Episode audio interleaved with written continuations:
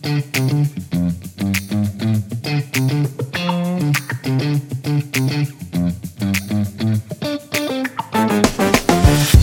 welcome back to podcast Ruang Taktik.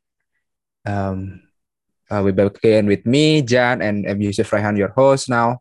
Sekarang line up-nya lebih lengkap. Ada Mas Abdi juga ikut, Mas Wen juga ada di sini. So, uh, gue tuh lebih kepada kalau pekan yang akan kita bahas nih, gue nggak tahu ya, tapi kan pada ribut soal wildcard ya, wildcard FPL nih. Gue nanya FPL dikit aja gue tuh kayak merasa berbahagia gitu. Waduh, poin gue ini average-nya lumayan lah ya.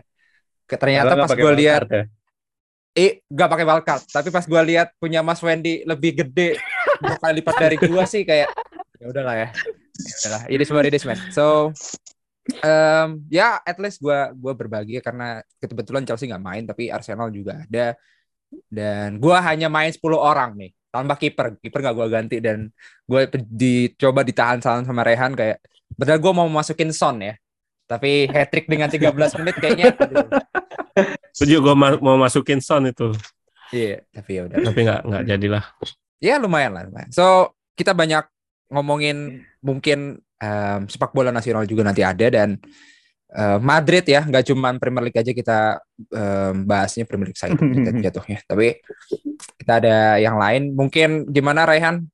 15 tahun. Gue sih 15 tahun ya masih main di warnet sih kan gitu. Beda sama si pemain satu ini. Um, ini ya memecahkan bukan rekor ya, tapi sejarah ya, sejarah baru ya. Kayak sejarah pemain termuda ya. sejarah baru sepak bola Inggris deh. Kayak di top flight tuh dia yang paling muda oh. sih, Ethan Nwaneri. Right, right, right, right dia umurnya uh, kemarin pas debut itu 15 tahun dan 181 hmm. hari kalau nggak salah. Jadi ya. Wih. Ya kalau misalnya di sejarah Premier League uh, fix termuda dia. Tapi kalau misalnya yeah, sejarah yeah, yeah. sepak bola Inggris uh, kurang tahu deh. Hmm, hmm, alright, alright. alright. Mm-hmm. Iya sih, gua gua lihat ya 15 tahun 181 hari, ya oke okay lah. Itu mungkin karena oke okay lah. Maksudnya gue kan lihat absennya Odegaard, terus ISR, El Neni, um, Zizenko, Reis Nelson, Cedric Suarez gitu kan. Iya, ya udahlah, oke. Okay. Dan gue tuh ngerasa sebagai fans Chelsea ya, yang gue banggakan kan Cobham Academy ya. Ternyata sekarang ada saingannya. Gue nggak tahu ini apakah HLN ya, NHL ya. Gue kayaknya Arsenal Academy juga. Sih. HLN. Ya. Oke, okay. kalau ngomongin soal Arsenal oke okay lah Brentford BU mau gua cuma dua poin tapi it's oke okay lah tapi tidak tidak memakai kiper um, dari Brentford juga tapi gue pengen nanya sih maksudnya sejauh ini melihat Arsenal yang sekarang yang masih di top of the league ya mungkin Mas Wen apakah merasa kayak teman-teman yang lain masih skeptis atau ya masih kan masih banyak yang bilang masih belum hmm. ketemu tim gede nih gitu atau kayak gimana hmm. nih Mas Wen? uh, melihat konsistensi sejauh ini Arsenal dan Arteta ma uh, man of the match lagi, manager of the month uh, kemarin dan gua nggak gak percaya dengan yeah, iya. Nick katanya kalau habis manager of the month bakal hancur atau gimana tapi what do you think Mas Ben tentang Arsenal musim ini? ya sebenarnya kalau dari musim lalu sebenarnya udah udah prediksi sih, cuman prediksi gue meleset juga sih ya. harusnya top 4 ya. Prediksi gue top 4 cuman uh, kalah lawan Spurs itu sih yang bikin Arsenal terlempar lah dari dari ya, top 4 ya, ya. udah gitu uh, hmm. ada beberapa pertandingan yang habis beruntun menang itu kan kayak kalahnya juga lumayan beruntun itu Arsenal. Ya, ya, di periode itu kayaknya periodenya Auba apa apa gitu lupa gue uh, sebenarnya ta tapi dari situ udah udah ini sebetulnya udah memprediksi udah bikin analisis juga di videonya di bulan November itu tentang struktur Arsenal gitu struktur dari permainan. Jadi gini struktur itu kan sebuah pondasi ya sebuah pondasi pemain itu harus uh, pemosisian pemain gitu. Pemosisian pemain harus ke mana harus ke mana. Itu kan penting dengan dengan adanya struktur gitu. Sehingga nggak ada permutasi posisi itu kalau pindah-pindah posisi itu nggak nggak tabrakan. Terus hmm. uh, yang paling penting hmm. tuh smooth di transisinya gitu. Halus di transisinya nggak nggak nggak ini nggak uh, nggak tabrakan nggak nggak mudah kena serangan balik gitu. Kan kalau bisa kita lihat juga kan uh, waktu zaman Emery kan paling sering counter attack terus zaman Arteta mulai terbaiki gitu. Salah satunya diperbaiki juga karena struktur itu. Kita lihat aja lawan Brentford gitu. Brentford lawan MU MU eh apa Brentford bisa bisa bisa nyetak gol lewat transisi gitu. Di lewat lawan Arsenal kan nggak bisa gitu. Lawan Arsenal kan nggak bisa. Nah itu di musim lalu itu sebenarnya gue udah udah udah aku tulis sih, udah aku analisis sih bahwa struktur Arsenal ini sudah oke. Okay. Nah kalau struktur sudah oke, okay, sekarang tinggal pemain sebenarnya penerapan pemain. Kita nggak bisa cuman ngandalin taktik ya, ngandalin taktik struktur itu termasuk dari taktik ya. Pemain harus ke mana, harus ke mana. Uh, nanti mungkin uh, taktik itu bisa di antar komunikasi antar pemainnya juga bisa. Uh, karena kalau kita nonton All or Nothing itu kan banyak testimoni ya. All or Nothing. Arsenal tuh banyak testimoni dari dari pemain. Kalau Arteta itu banyak taktik ya. Memang di situ nggak dijelasin memang taktiknya kayak gimana. Lebih lebih ke ngomong-ngomong secara mental aja sih Arteta. Nggak banyak ngomongin taktik itu di di dokumenter itu dokumenter itu. Jadi eh, sebetulnya yang ter, paling terlihat yaitu struktur. Terus sekarang di sini di per, pemainnya itu punya ini punya kualitas punya Hmm, kualitas hmm, untuk hmm. menjalankan eh, struktur tersebut. Kita lihat beberapa pemain. Kita lihat kemarin lah Granit Xhaka aja. Granit Xhaka itu menit ke satu menit kedua itu udah udah punya peluang tuh yang Martinelli Ya, ya, jatuh itu. Oh iya iya. Eh, kita bisa lihat gimana dia bisa dipush ke depan sampai push nomor 8 gitu. Dan di sana eh, bisa ngasilin peluang gitu kalau zaman Emery Granit Xhaka maju udah habis Bi- pasti dia keteteran counter attack terus ng- ngakuin kartu merah terus dia jadi kambing hitam udah kan yang Ya, kejadian ya, seperti itu sebetulnya itu kan masalah struktur sebenarnya bukan bukan masalah terbukti kan bukan Iya, masalah Granit. Xhaka-nya gitu loh Betul, betul. makanya betul. waktu waktu dulu supporter fans Arsenal juga sering ngolok-ngolokin Xhaka eh, waktu Iya, Long Tati iya, juga nggak iya. setuju sebetulnya. Itu bukan masalah Granit Xhaka tapi masalah itu struktur. Makanya sering ketinggalan bola sering apa. Nah kalau sekarang kan udah ada Partey ditambah fullback kiri yang ke tengah gitu nemenin Hmm. Partey Tierney. Tierney kemarin Tierney memang nggak se-advance Zinchenko ya kalau memainkan inverted fullback ya kalau ke tengah. Dia lebih suka melebar. Tapi masalahnya Martinelli ini juga eh, melebar juga startnya start di, di kelebaran. Memang beberapa momen dia bakal masuk dia Martinelli. Cuman eh, kemarin sempat Tierney juga dapat peluang masuk ke tengah dia nge-shoot gitu. Tapi peluangnya jelas lebih banyak Caka gitu. Caka ketika di di eh, satu dua terus ngasih umpan juga Eh, tiga kali kalau nggak salah dia bikin kipas itu. Terus dia sempat nge-shoot juga meskipun syutingnya nggak nggak bagus gitu. Tapi ini eh, terbukti dengan eh, struktur yang bagus dengan pemain-pemain yang paham pemosisiannya. Terus ada kualitas tambahan kualitas. Ini yang yang ini sih yang eh, yang membedakan Arsenal dari musim lalu. Karena pondasi atau strukturnya itu tadi udah ada. Kalau menurut gua sih itu Arsenal musim ini. Oh, yang awal musim terutama. Ya, ya, ya, ya. Right, right, right. Mantap sih. eh ya menarik karena ya gue melihat perbedaan yang signifikan dari Granit Xhaka ya, maksudnya em, secara simpang siur tuh kayak kalau ada yang ada pertanyaan apa sih ben- di benak kalian kalau ada kartu merah pemain pertama kali mungkin Xhaka juga termasuk setelah Ramos menurut gue ya. Tapi kan em, ternyata membuktikan bahwa ya dengan tidak adanya ISR kemudian mencari atau bagaimana dia memberikan kredit kepada Ramsdale yang cukup gila uh, musim ini bahkan yang um, Hmm. akhir musim lalu gitu kan. Dan mungkin gue sebelum nanya ke Rehan nanya ke Mas Abdi dulu ya. Kalau ternyata apakah gue nanya soal kedalaman ya kan soal bagaimana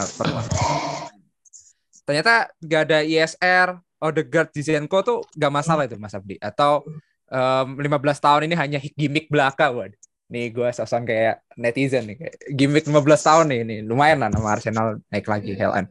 So what do you think Mas Abdi?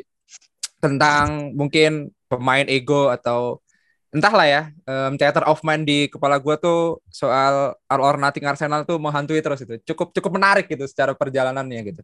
Dan melihat bagaimana proporsi yang berbeda nih kedalamannya tanpa kemarin beberapa banyak pemain yang cedera ya masih menang aja nih eh, Mas Abdi. Apakah eh, gimana cara cara bilang bahwa oh bukan menjadi alasan nih kalau tim mudah tim sulit ya tetap layak dia nomor nomor satu gimana Mas?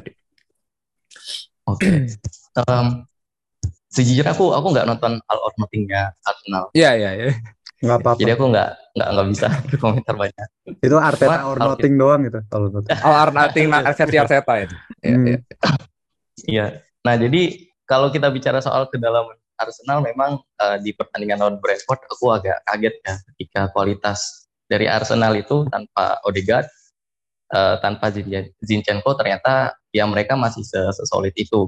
Jadi Iya. eh, kalau kita bicara hanya di satu pertandingan kemarin Arsenal oke kita bisa eh, bilang seperti itu.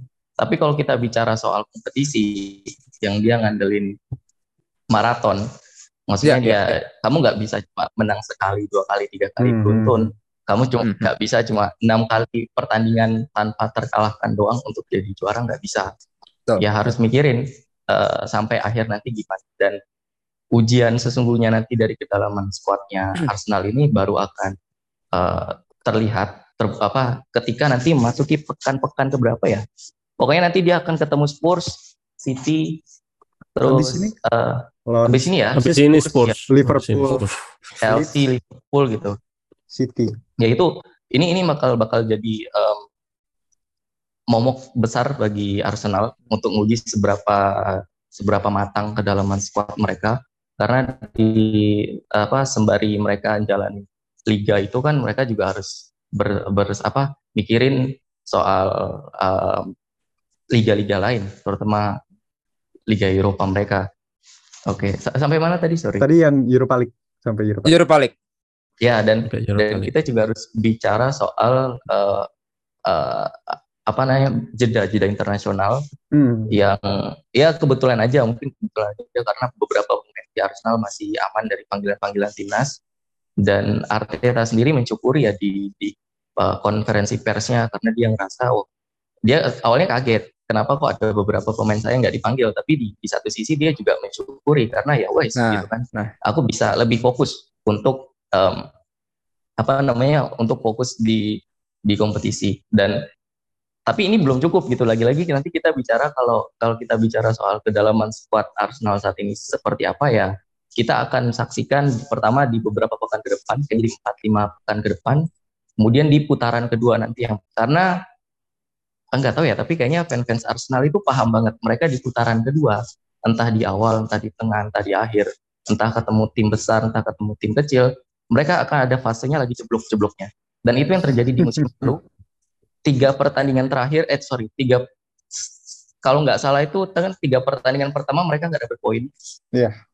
kemudian Iya, di iya, putaran kedua mereka lawan Southampton lawan siapa lagi gitu juga Brighton, Southampton, satu lagi lupa.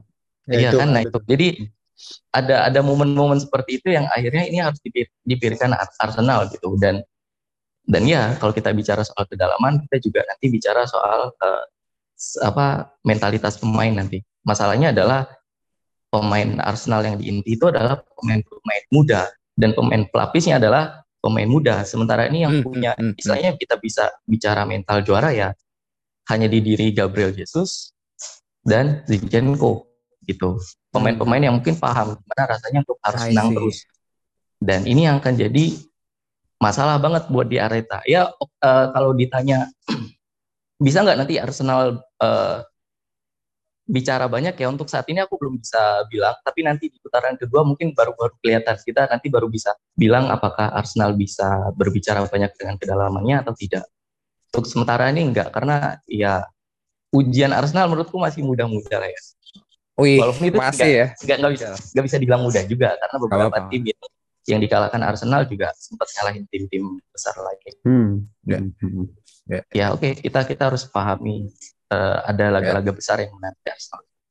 Ya. kurang lebih gitu sih Eh, mantap lah, mantap. Em, statement dari Mas Abdi ini biar em, down to earth lah untuk M Yusuf Raihan lah ya, as Arsenal. Lumayan lah.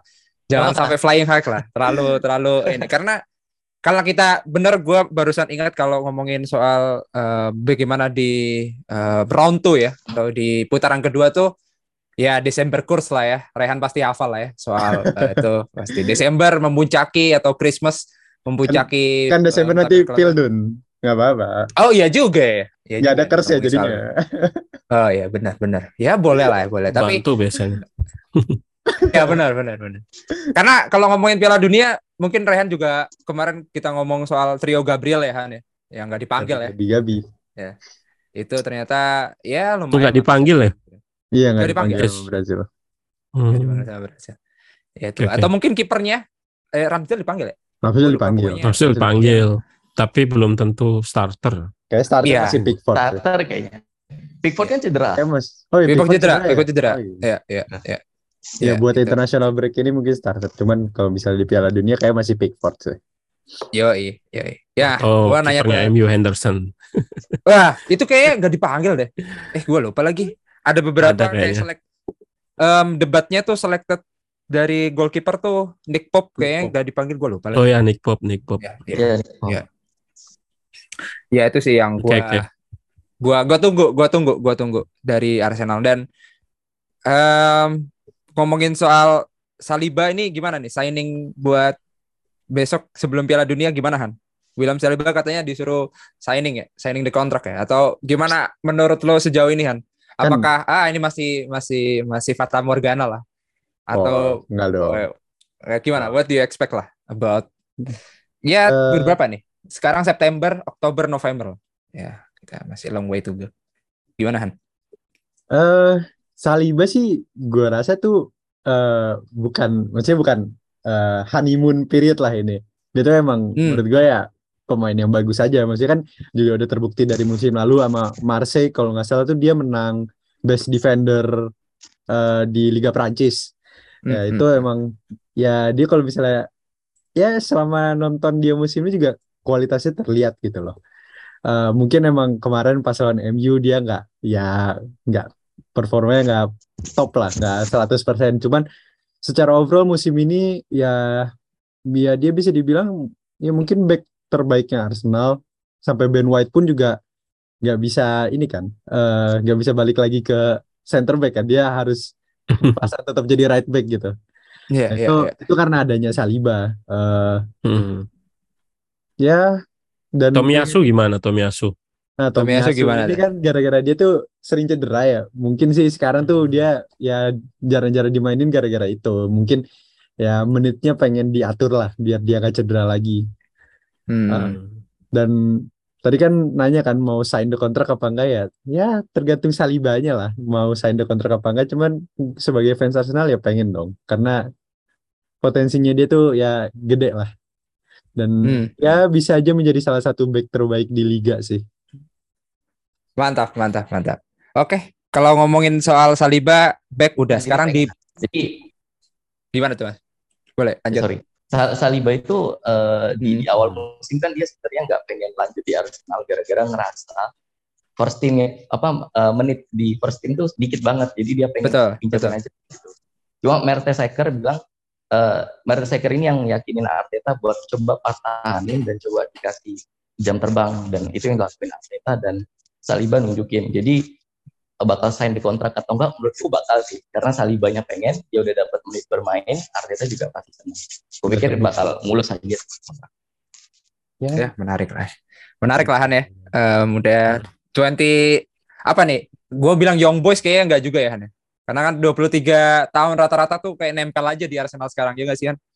Iya, kayak secara average ya. Tapi gua ngomongin sedikit ya, ngomongin soal kiper nih. Ada menurut gue ini clickbait artikel dari The Athletic lagi ya kayak di mana apakah benar nih headline news ya Aaron Ramsdale mendapatkan hadiah eh, menjadi nomor satu untuk Piala Dunia Qatar nih. Oh. Eh, gua tipis-tipis nih trivia rapid question ke eh, teman-teman gue yang di sini nih. Eh, ada Aaron, Aaron Ramsdale, ada Jordan Pickford yang kayaknya dia cedera, kemudian Nick Pope dan Henderson.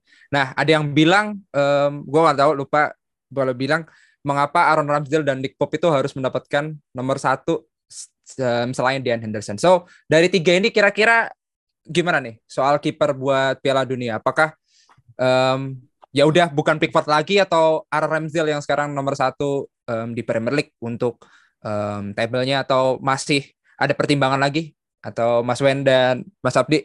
Enggak lah Henderson lah. Gimana tuh? Deano kah? Deano nomor one? Gimana nih? Ngomongin soal kiper buat Southgate nanti nih sedikit pengen tahu sih gue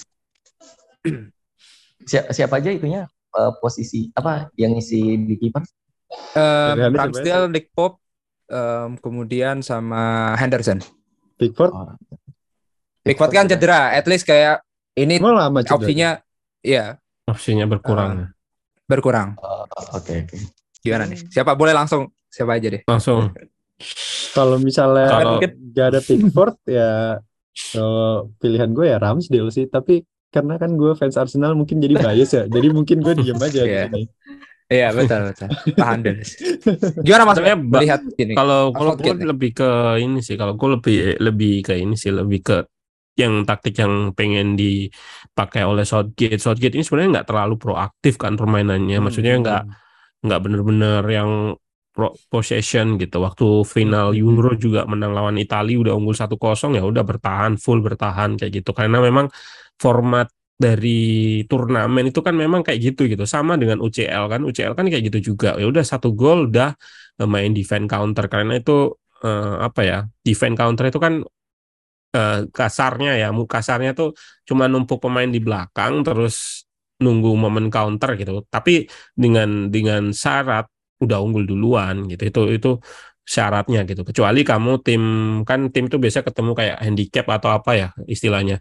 Eh, tim A sama tim B pasti ada yang lemah kan. Nah, tim lemah ini pasti nerapin itu gitu loh. Jarang banget tim yang lemah yang yang nyerang duluan, pro, apa proaktif duluan. Nah, si Southgate ini kan juga kayak gitu nih. Dia pelatih pelatih turnamen sebetulnya bukan Hmm. kalau ya karena memang belum belum teruji juga di liga. Eh, tapi kalau main di liga rasanya bakal sulit dengan gaya permainan ini. Tapi memang itu yang gue bilang itu paling jitu sebetulnya, paling efektif, paling eh, tepat lah, paling logis gitu. Terutama paling logis digunakan di turnamen gitu. Eh, bermain kayak gitu. Tapi balik lagi kan banyak orang yang yang kenapa skeptis sama timnas Inggris terutama haters gitu Eh, karena ya itu tadi di nggak sebenarnya nggak impresif permainannya nggak pro- nggak ter- Ya, begitu im- impresif banget gitu nah kalau kita kembalikan lagi soal kiper ya pilihan utama biasanya kalau kayak gini sih Nick Pope sih Nick Pope tapi kalau dari gue sendiri berharap Ramsdale yang main Eh, kalau Hmm. karena kalau stop stopping Nick Pope itu lebih lebih Iya, ini ya iya. lebih lebih oke lebih Lebih oke bagus. tapi kalau misalkan Southgate mau mainin eh, Ramsdale gitu lebih lebih berani untuk main proaktif itu lebih oke juga sih. Gue lebih Ya. lebih pengen eh, preferensi gue sih eh, ke tanpa Pickford ya ini ya ya ya, Ya, ya, Ramsdale ya, ya. preferensi gue. Tapi kalau kembali ke pilihan logis tadi kayaknya sih Nick Pope. Oh. Gitu. Oke, oke. Eh, memenuhi dari apa yang akan digunakan oleh Southgate sih make sense juga sih. Eh, karena tidak tidak terlalu bagaimana. Gue juga belum pernah mendengarkan Southgate ball. Lu pernah nggak sih kan? Gak pernah kayaknya. Oke, belum pernah tuh kayak ada klip Southgate ball nih. Kayak belum. Kayak. Mas Abdi, gimana nih? Diano yang kebobolan 6 gol oleh Halan. Gua gua sebelum ke sana, gua tuh Oh. suka dengan pernyataan Mas Abdi yang di mana buat Premier League enthusiast tuh cukup memukul lah kayak ini Halan nih udah keren nih. Sebenarnya Farmers League apa Halan yang jago? Wah, ini bagus nih. Gua gua suka tuh dengan tweet yang kayaknya ya ini Halan. Tapi sekarang masih belum. Tapi eh, lebih ke sana gue pengen tahu sih deep insight soal kipernya gitu. Karena Pickford terus kayaknya juga Everton gini tapi Pickford nomor satu. Ya sekarang sih kayak gitu perdebatannya. Gimana Mas Abdi? Eh, saya- eh, sorry sorry. Eh, Kalau Ramsdale itu umurnya berapa sih? Dua Dua tiga, dua tiga dua empat. Dua tiga. Dua empat dua Dia tiga. tuh masih masih budaan Henderson kan Henderson dua satu. Henderson. Coba cek dulu. Iya. iya. Henderson dua lima. Dua lima mas. Udah lima.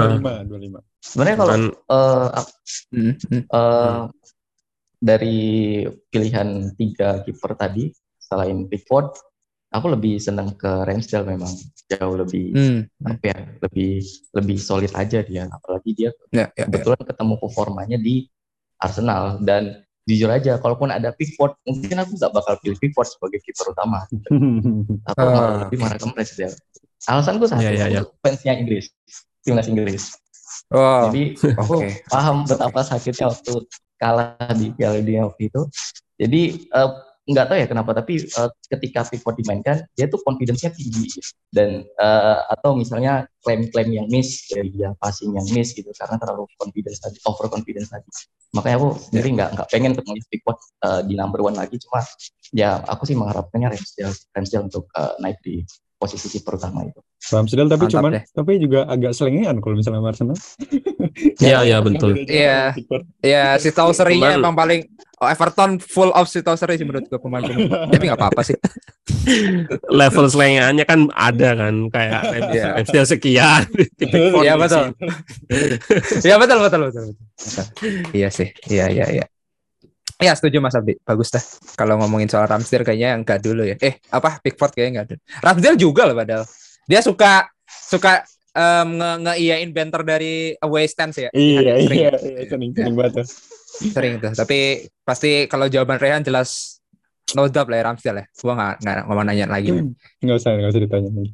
Oke, kita masuk ke derby Madrid yang kayaknya hampir sama kayak derby Manchester. Apakah ini masih disebut derby?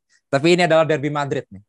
Em, gua nggak tahu em, pemain dengan menit bermain Mister 45 menit gua nggak tahu main apa enggak kemarin gua nggak nonton btw ini maksudnya adalah Atletico melawan Real Madrid ya? Oh. iya iya. Ya ya dan gue pengen tahu nih secara dan ini bahkan Real Madrid tanpa Benzema juga menang gitu. Em, dan jalannya pertandingannya gue juga belum nonton highlight so mungkin dari siapa dulu nih Han? Boleh nih lo sekarang mau nanya siapa nih Ah, sem- cobalah dari Mas Mas Wenehe dulu deh. Nonton, nonton Madrid iya. baru baru sampai first half lebih Madrid ini sebenarnya kor- korban ini ya. Real Madrid ini korban sebuah campaign jelek sebetulnya. Kalau gue lihat di medsos itu. Artinya artinya gini kayak menang UCL kemarin dari cuman counter attack kayak gitu-gitu jadi eh, apa ya terus pelatihnya dibilang miskin taktik kayak gitu-gitu kan Hmm, hmm. kayak apa ya seolah mengkerdilkan ya Real Madrid gitu. Gua nggak tahu sih apa karena itu permusuhan antara fans Real Madrid sama fans Barcelona. Barcelona, yang memang ya, ya. yang memang lagi yang memang gencar lah di di Ya, ya, kalau ya, di La ya, Liga ya, kan dua dua betul fans betul ini ya. Tapi jelas eh, sangat mengkerdilkan gitu, mengkerdilkan ya. Kita ambil contoh kayak kemarin eh, eh, apa golnya bisa lewat rangkaian yang passing yang banyak gitu. Sebetulnya gol gol dua gol dari Real Madrid di laga ini juga semuanya itu- nggak ada yang jadi counter attack gitu loh. Makanya gue pernah nge-tweet juga nggak mungkin Madrid juara Liga ngandalin counter attack aja gitu. Kalau memang di Hmm. UCL memang eh itu tadi yang balik ke pernyataan Inggris tadi ini turnamen gitu. Memang kalau udah unggul atau udah ini ya ya paling paling mudah memang main defense counter lah dalam tanda kutip paling kasarnya kayak gitu gitu karena syaratnya satu unggul duluan. Nah ini yang yang yang gue bilang kayak Madrid itu terlalu kena back campaign ya terlalu terus terus miskin taktik kalau dibilang kayak gitu. Kalau gue lihat dari segi permainan sebetulnya ya ya eh, kalau boleh dicontoh ya tim-tim yang sekelas Real Madrid yang sekelas eh, punya chemistry yang bagus tuh seperti Liverpool waktu juara sebetulnya. Liverpool waktu juara itu kan dia nggak beli banyak pemain ya kalau nggak salah malah nggak beli kalau nggak salah. Itu Iya, iya. Eh, tapi kita lihat chemistry-nya bagus itu. Chemistry antar pemainnya bagus. Ka- Kapan harus mengisi, kapan harus rotasi antar posisi. Kalau Real Madrid ini justru rotasinya itu malah justru ada di tengah sebetulnya, nggak di depan. Eh, rotasi posisinya itu lebih banyak di tengah. Nah, kita tahu kan beli Ameni terus buat gantiin Casemiro. Eh, tapi permasalahan Madrid tuh Toni Kroos sudah nggak kayak dulu lagi gitu, nggak punya mobilitas yang tinggi. Makanya waktu di UCL musim lalu tuh Toni Kroos suka diganti karena memang eh, sering kedodoran gitu, apalagi pas Casemiro cedera, dia dipasang di nomor nomor 6 ya kedodoran Toni Kroosnya. Nah, untuk mengakomodasi itu Ancelotti itu pakai ya beli ya, beli Tchouaméni ini juga salah satunya itu untuk untuk akomodasi kehadiran Kroos di depan gitu. Karena dia udah nggak bisa mobile lagi, naik turun lagi udah nggak bisa. Makanya Kroos tuh seringnya drop di sampingnya center back kiri biar Mendy naik kayak gitu. Terus eh Chouameni bisa maju. Kita lihat aja gol yang asisnya Chouameni itu bagus banget nggak itu. ada bagus nggak ada Modric sama Kroos tuh di sampingnya. Iya, Modric iya, tuh iya. baru lari di belakangnya. Itu kan kalau kita mundur lagi ke belakang sebenarnya itu kan build up terus Valverde lah sebenarnya aktornya ya meskipun dia iya eh, nggak nyetak gol tapi nggak nyetak gol pertama itu tapi dia aktor dia dia itu dari kiri dari kanan dia drive itulah salah satu kemampuan Valverde dia bisa ngedrive bawa bola tanpa banyak skill artinya yang uh, beda lah dengan Vini gitu. Vinicius mungkin pakai uh, skill-skill gitu ya. Kalau Valverde yeah. kan pakai kecepatan gitu, pakai kecepatan yeah, sama yeah. belokan. Uh, dia lewat berapa pemain pressing bloknya Atleti udah hancur dah kena Valverde. Nah melihat itu Chouameni yang naik. Nah ini yang nggak bisa nggak dipunyai Kroos. Kroos nggak bakalan secepat Chouameni ketika naik gitu. Makanya menurut gua pemulihannya ini sangat tepat ya. Terlepas hmm. dari harganya yang mahal itu. Uh, itu masih bisa didebatin nah kalau memang harga 100 juta itu memang ya mahal semua kalau menurut gua uh, terus dia ya untungnya di sini dia berikan asis yang bagus sih dan dan ini kelebihan kelebihan Madrid di musim ini ya kalau gue lihat uh, rotasi ya rotasi posisi dari tiga pemain gelandang ini lebih lebih oke okay daripada ketika Kroos turun Casemiro yang naik. Itu udah pernah dicoba Zidane di musim oh, iya, iya. Uh, 2019 itu nggak jalan sebetulnya nggak jalan sama sekali Casemiro yang disuruh drop gitu yang disuruh naik gitu. Karena Kroos ya itu tadi mobilitasnya udah nggak nggak kayak dulu gitu. Makanya Casemiro yang dinaikin. Nah sekarang kemarin Ancelotti nggak nggak pakai kayak gitu uh, jadi terlalu banyak pemain di belakang. Ya untungnya memang ada link up dari Benzema. Kalau masalah di game ini uh, link upnya Rodrigo nggak nggak beberapa kali nggak nggak drop sih tapi dia melebar. Dan beberapa yeah. kali memang dia drop untuk nerima bola terus drive ke depan ke Vinicius yang lari ke tengah.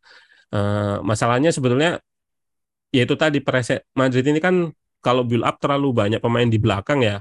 Uh, tapi dengan adanya Benzema itu biasanya langsung ke kotak penalti itu waktu ketika ada momentum ke kotak penalti udah udah ada pemain yang siap menerima bola meskipun nggak banyak ya meskipun nggak banyak. Ya kayak gol kedua lah gol kedua itu uh, siapa yang drive di kiri itu? Vinicius kalau nggak salah yang uh, kena hmm. tiang itu.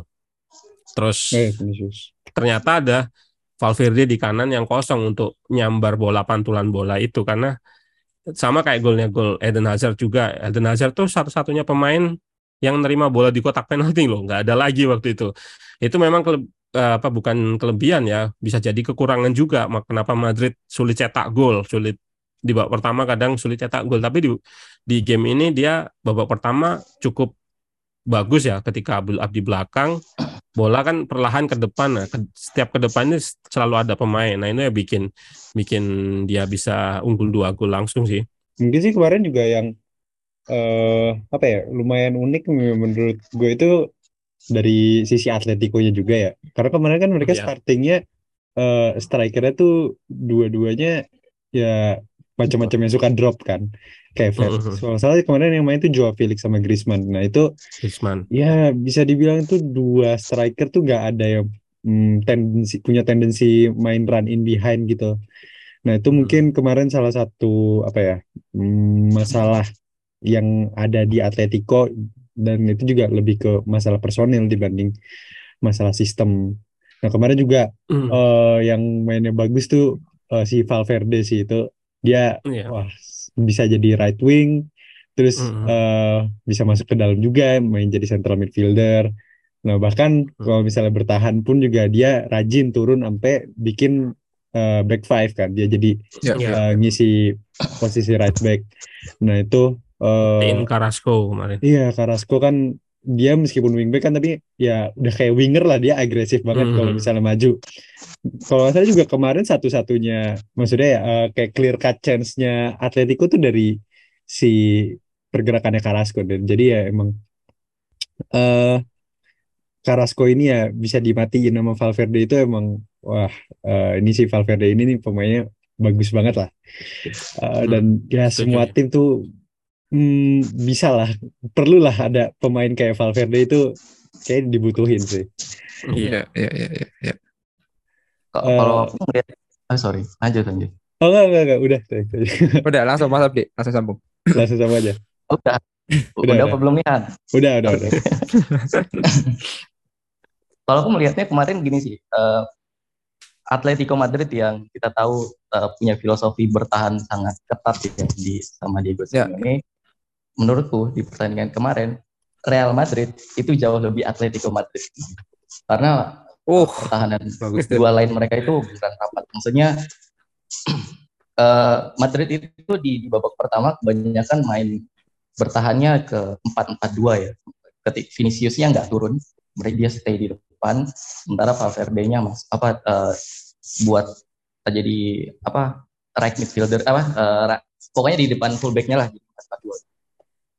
Kemudian pas di babak kedua uh, lebih sering jadi kayak lima back, entah Valverde yang turun atau Vinicius juga yang track back kayak buat lima. Gitu.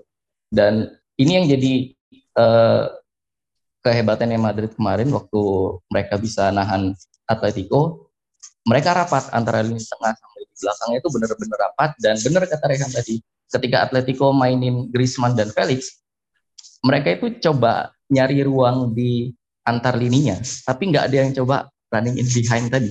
Hmm. ini yang jadi masalah terbesar dari Atletico. Jadi Madrid itu udah rapat banget kompak banget di tengah empat empat uh, dengan dengan space yang rapat dengan jarak antar pemain yang sangat rapat. Tapi Atletico Madrid juga bermain di ruang sempit itu maksudnya mereka tuh paksa paksa untuk uh, bermain di ruang sempit itu dan itu yang jadi masalah terbesar uh, Atletico kemarin. Bahkan Simeone sendiri sampai memuji um, Ancelotti setelah pertandingan. Dia bilang um, uh, Simeone bilang Madrid itu bertahan dengan blok rendah yang sangat bagus tapi juga melakukan counter attack yang sangat bagus. Dia dia bahkan sampai ngakuin kayak gitu karena ya seperti itu. Dan cuma kalau tadi kalau tadi udah disinggung soal cuaca biasa oke cuma kemarin uh, sebetulnya Madrid itu nggak bisa tembus di tengah ya karena struktur pressingnya Atletico itu 5-3-2 fokusnya si Griezmann sama uh, uh, Felix ini adalah dia cover shadow tengahnya Madrid kemudian tiga gelandang itu ya siap-siap buat pressing trap ketika ada yang robos di sana dan Chouameni sering kali turun, kemudian Modric ataupun uh, Cross itu dia bakal melebar. Jadi lini tengahnya itu di beberapa momen kosong terus. Ya mereka pasti bakal memutari blok. Bahkan ketika harus turun pun Chouameni-nya, Chouameni benar-benar turun dari blok pressing Atletico. Dan itu tapi Chouameni benar yang bisa oke. Okay. Soal rotasi tadi yang disebut sama uh, apa Mas Wais tadi memang benar ada rotasi di tengah dan Chouameni apa pertukaran posisinya benar sangat uh, lancar. Bahkan di kayaknya di menit belasan 15 sampai 20 gitu Valverde-nya central midfielder, Modric-nya ditaruh di wing kanan. Aku belum tahu sih apa maksud dari Ancelotti, tapi kemarin nggak nggak begitu. Cuma kelihatan mobilitasnya Valverde doang itu yang tadi dibilang. Dia dia coba bakal merusakin di tengahnya tadi, tapi ya nggak nggak banyak yang berpengaruh di sekitaran ini tersebut. Terus soal Valverde, aku bisa bilang Valverde main ini Madrid itu kayak punya tiga pemain tambahan gitu. Ketika Valverde main, hmm. Madrid itu punya right wing, punya central midfielder, punya fullback. Artinya yeah. mereka itu ketika okay. kamu udah mainin Valverde, se se se sekomplit itu bahkan aku pikir ini kayaknya kalau Madrid itu Madrid itu ada satu main di kartu merah terus kemudian uh, di uh, suruh aja Valverde untuk uh, main di dua posisi kayaknya Madrid itu nggak kekurangan saking dia bisanya sama aja kayak main sebelas pemain iya maksudku gitu iya cuma cuma satu lagi mungkin pemain yang yang luput dari um, apresiasi dan menurutku dari dari pengamatanku adalah Rodrigo. Hmm. Rodrigo yeah. ini tipe-tipe pemain yang gini. Ketika Atletico itu ketika Atletico bermain dengan struktur 5-3-2 tadi, start posisinya start posisinya Rodrigo itu enggak sejajar sama backline ya Atletico. Dia bakal sejajar sama lini tengahnya Atletico itu sering banget dan dia lebih sering melebar lebih sering melebar jadi ketika tadi yang aku bilang ketika fokus Atletico adalah nutup opsi ke tengah Madrid kemudian memutari blok itu untuk sampai ke pemain-pemain sayapnya nah Rodrigo ini entah running apa muncul dari second line untuk terima bola tadi. Dan itu yang terjadi sama gol pertama dia. Di posisi atasnya sebagai striker. Ada umpan umpan kan dia mencuri belakangnya ini kemudian ya dia dia apa tuntaskan peluang itu dan dan itu berkali-kali terjadi gitu jadi kayak back five-nya Atletico tuh bahkan percuma kayak yang oke okay, kamu bertahan ketika kita bicara soal prinsip lima pemain itu jaga apa namanya jaga setiap koridor vertikal pada akhirnya itu nggak berfungsi ketika Rodrigo mainnya di start posisinya itu dari lini tengah dan itu yang membuat Atletico kerap kali ancur lewat sayap. Selain Chouameni, Rodrigo oke okay, sepanjang babak pertama, babak kedua juga oke okay banget. Apa oke okay banget sih. Ya gitu deh. Jadi Real Madrid kemarin itu adalah Atletico Madrid yang yang jauh lebih Atletico Madrid Iya, iya. iya. Atletico. Meskipun kebobolan set piece ya, Mas ya. itu Kayaknya itu set piece gara-gara Courtois aja sih. Cour- Courtoisnya kan nggak nggak itu kan ya. lucu sih itu kebobolan. Kalau nggak salah kemarin juga Madrid, Real Madrid tuh bikin XG-nya nggak lebih gede daripada Atletico juga deh itu. Jadi ya, tapi karena Madrid kita tahu mereka nggak peduli lah sama yang namanya XG di Champions League aja mereka kalah XG terus tapi akhirnya menang kan. Jadi ya, ya emang begitulah. Real Madrid mungkin dia ah, ada XG proof-nya. ya udahlah, mungkin sekarang kita lanjut ke topik yang terakhir eh, mungkin ada hubungannya sama background gue sekarang eh, kita mau bahas eh, timnya STY buat Indonesia di international break yang ini yang Oh, Indonesia oke. bakal main lawan eh Curaçao ya kalau nggak salah dua kali ya lawan lawan mereka ya Iya, nggak salah- iya, dua. kalau nggak salah dua Iya, kali lawan kali. mereka Hmm. Eh, mungkin sih em, ya pemain-pemain yang kayak biasa kayak Asnawi eh, Arhan Arhan meskipun gak main di Tokyo Verde juga tetap dipanggil eh Egi ya pemain-pemain yang ya yang biasa dipanggil ya kita udah tahu lah dia dia kayak mereka itu kayak gimana. Cuman ada beberapa nama baru sih yang ya yang menurut gue tuh menarik yaitu ada eh, mungkin bukan bu- nama baru di timnas karena sebelumnya mungkin pemain ini pernah debut di timnas cuman nama baru di eh, skuadnya STY Eh, ada beberapa nama seperti Dendi Sulistiawan dari Bayangkara ada juga Yakob Sayuri dan Ramadan Sananta dari PSM dan ada juga eh, Ferrari dari Muhammad Ferrari dari Persija Jakarta. Sebenarnya juga kemarin harusnya ada si Cahya Supriyadi, cuman kalau nggak salah Cah- Cahya Supriyadi itu kemarin cedera ya. Persebaya ya, Eh Persija Persija. Hmm. kemarin kemarin kalau nggak salah cedera pas di kualifikasi AFC U20. Nah, jadi dia Oh. diganti lagi sama Muhammad Riyandi dari Persis Solo. eh mungkin eh mau nanya pendapatnya mungkin Mas Abdi dulu kali ya. Eh Mas Abdi masih ada? Halo Mas. Kayak masih masih um, troubleshooting. Mungkin ke Iya, Mas. Rene langsung. Oh, ada ada. Oke. Ada ada. Ah ya, Ada ada. Gimana Mas Abdi tanggapan sama ya nama-nama baru tadi lah di skuad Indonesia mungkin dari Yakob Sayuri atau Ramadan Sananta atau Dendi Sulistiawan mereka ini tuh sebenarnya deserve gak dipanggil mungkin dari performanya musim ini gitu. Menurut Mas Abdi gimana tuh? Em, kalau Yakob sama Saranta, oke dia deserve. Eh, mereka deserve banget karena ya terbukti PSM juga terbantu sama forma mereka. Cuma yang mengejutkan secara form ya, secara secara form mengejutkannya dipanggilnya Dendi Sulistiawan. Tapi secara permainan, aku apa aku suka sama kayak main Dendi Sulistiawan. Dia mungkin lemah di finishing finishing aja sih. Kalau Hmm. dia punya akurasi kayak apa kayak pemain-pemain Eropa mungkin dia uh, dia bakal kelasnya bakal jauh banget di atas. Cuma masalahnya itu cuma akurasi doang sih dari Dendi. Ya tapi secara secara pemanggilan itu. Cuma kalau Ferrari aku belum belum bisa banyak eh, apa ya belum bisa banyak berkomentar ya. Karena aku sendiri kayaknya baru aku nggak tahu berapa match ya sebelum nontonin Ferrari di Persija. Hmm, Uh, tapi sepertinya kalau sampai dipanggil berarti STY kayaknya sangat-sangat percaya sama dia. Gitu sih. Satu pemain yang mungkin aku agak kaget dipanggil adalah M. Rafli. Itu doang sih. Siapa tadi Mas? Yang kaget? M. Rafli. Oh, M. Rafli. Oh, iya itu. Em, mungkin dari sisi pandang gue ya. Mungkin eh, M. Rafli ini kan meskipun sekarang di Arema ya nggak perform lah. Kalau nggak salah juga kebanyakan eh appearance dia tuh dari cadangan kan musim ini.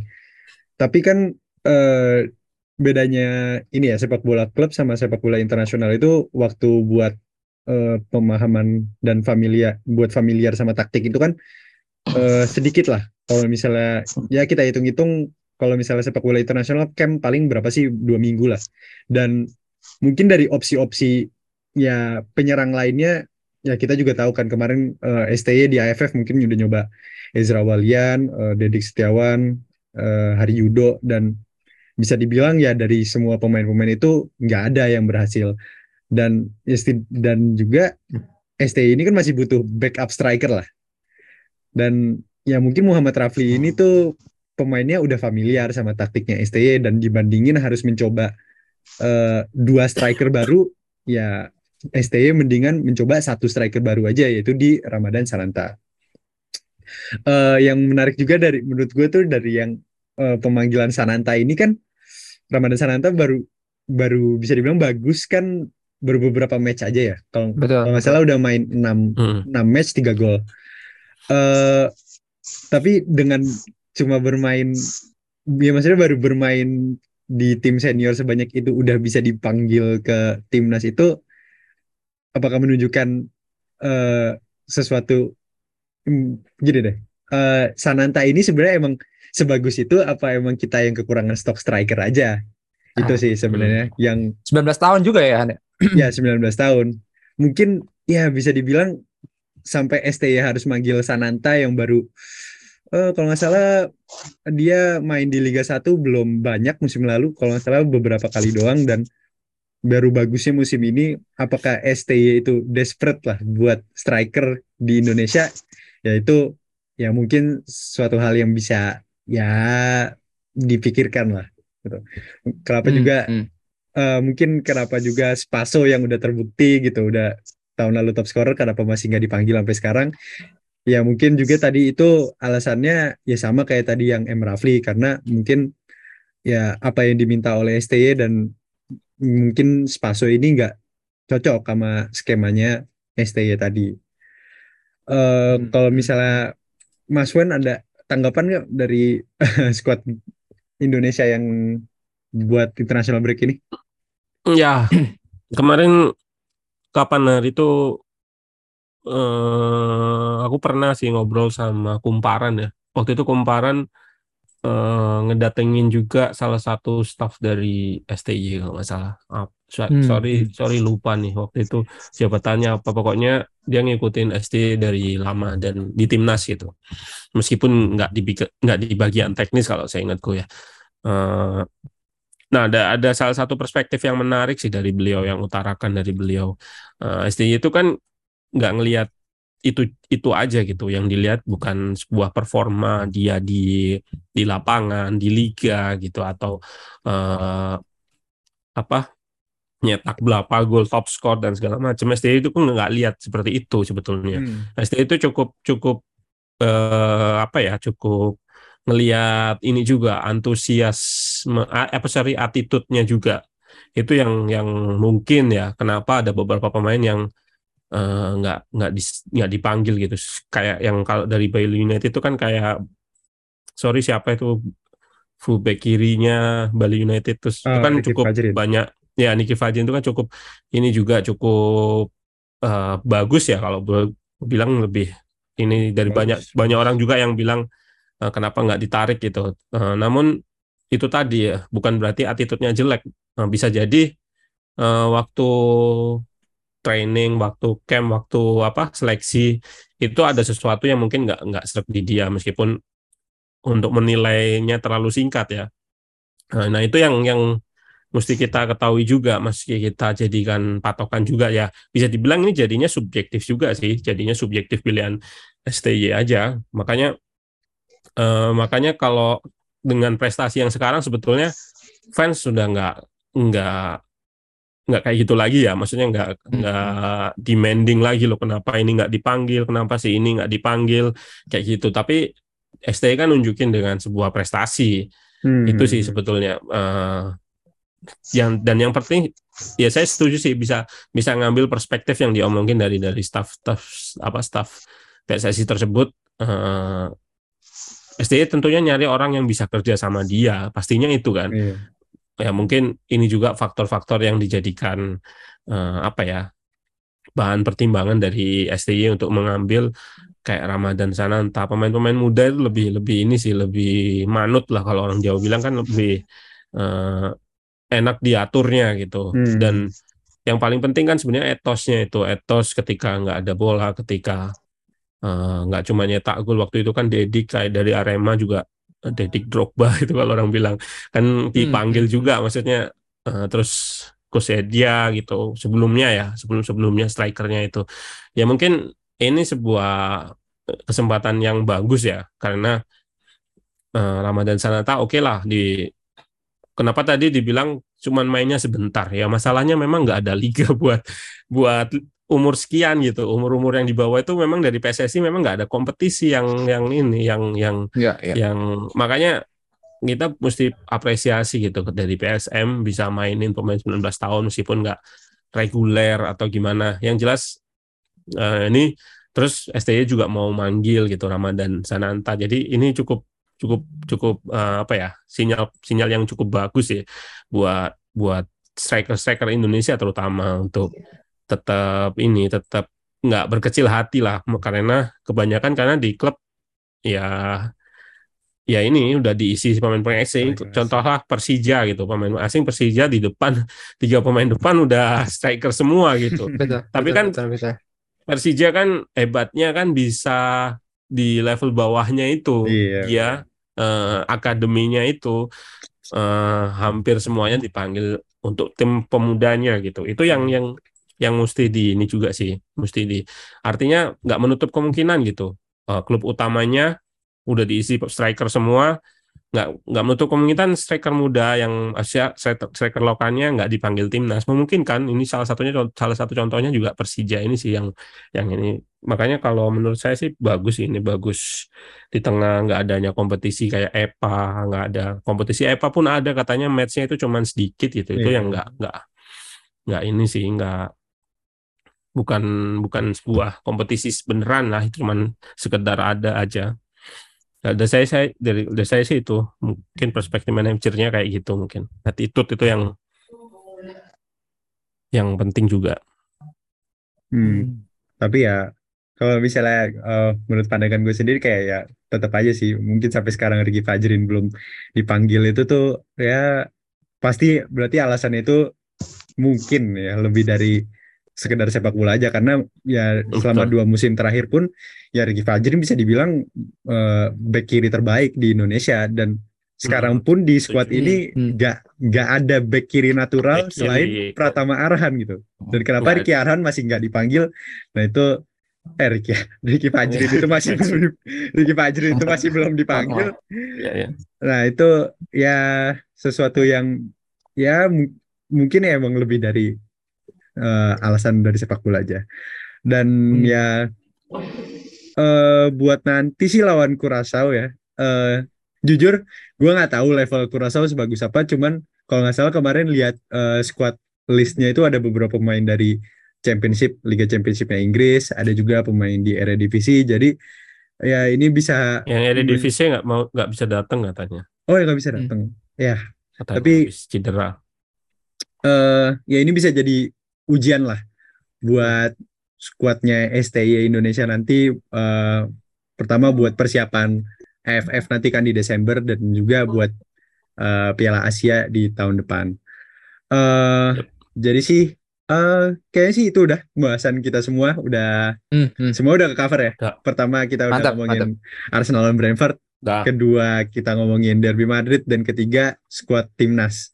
Gak ada Chelsea lagi, nggak ada MU Tapi gak ada MU. iya gak ada MU, gak ada MU.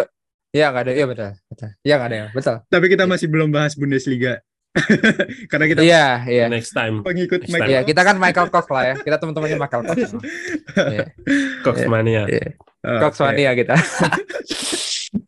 Iya. Oke ya, jadi mungkin podcast hari ini udah sampai situ aja. Oh, ini udah Mantap, di- kayak udah lumayan lama juga ya, udah sampai hampir Hmm. sejam ya, udah sejam belum? Mungkin udah ada dapat sejam. ada ya jam Dan ya eh, itu aja ya, eh, podcast buat minggu ini diuploadnya setiap hari Selasa. Eh, jangan Hmm. lupa buat subscribe, Mhm. like dan komen yang bagus-bagus ya di ruang taktik. Iya, iya, iya. eh, di platform apa pun di IG, di YouTube, di Twitter.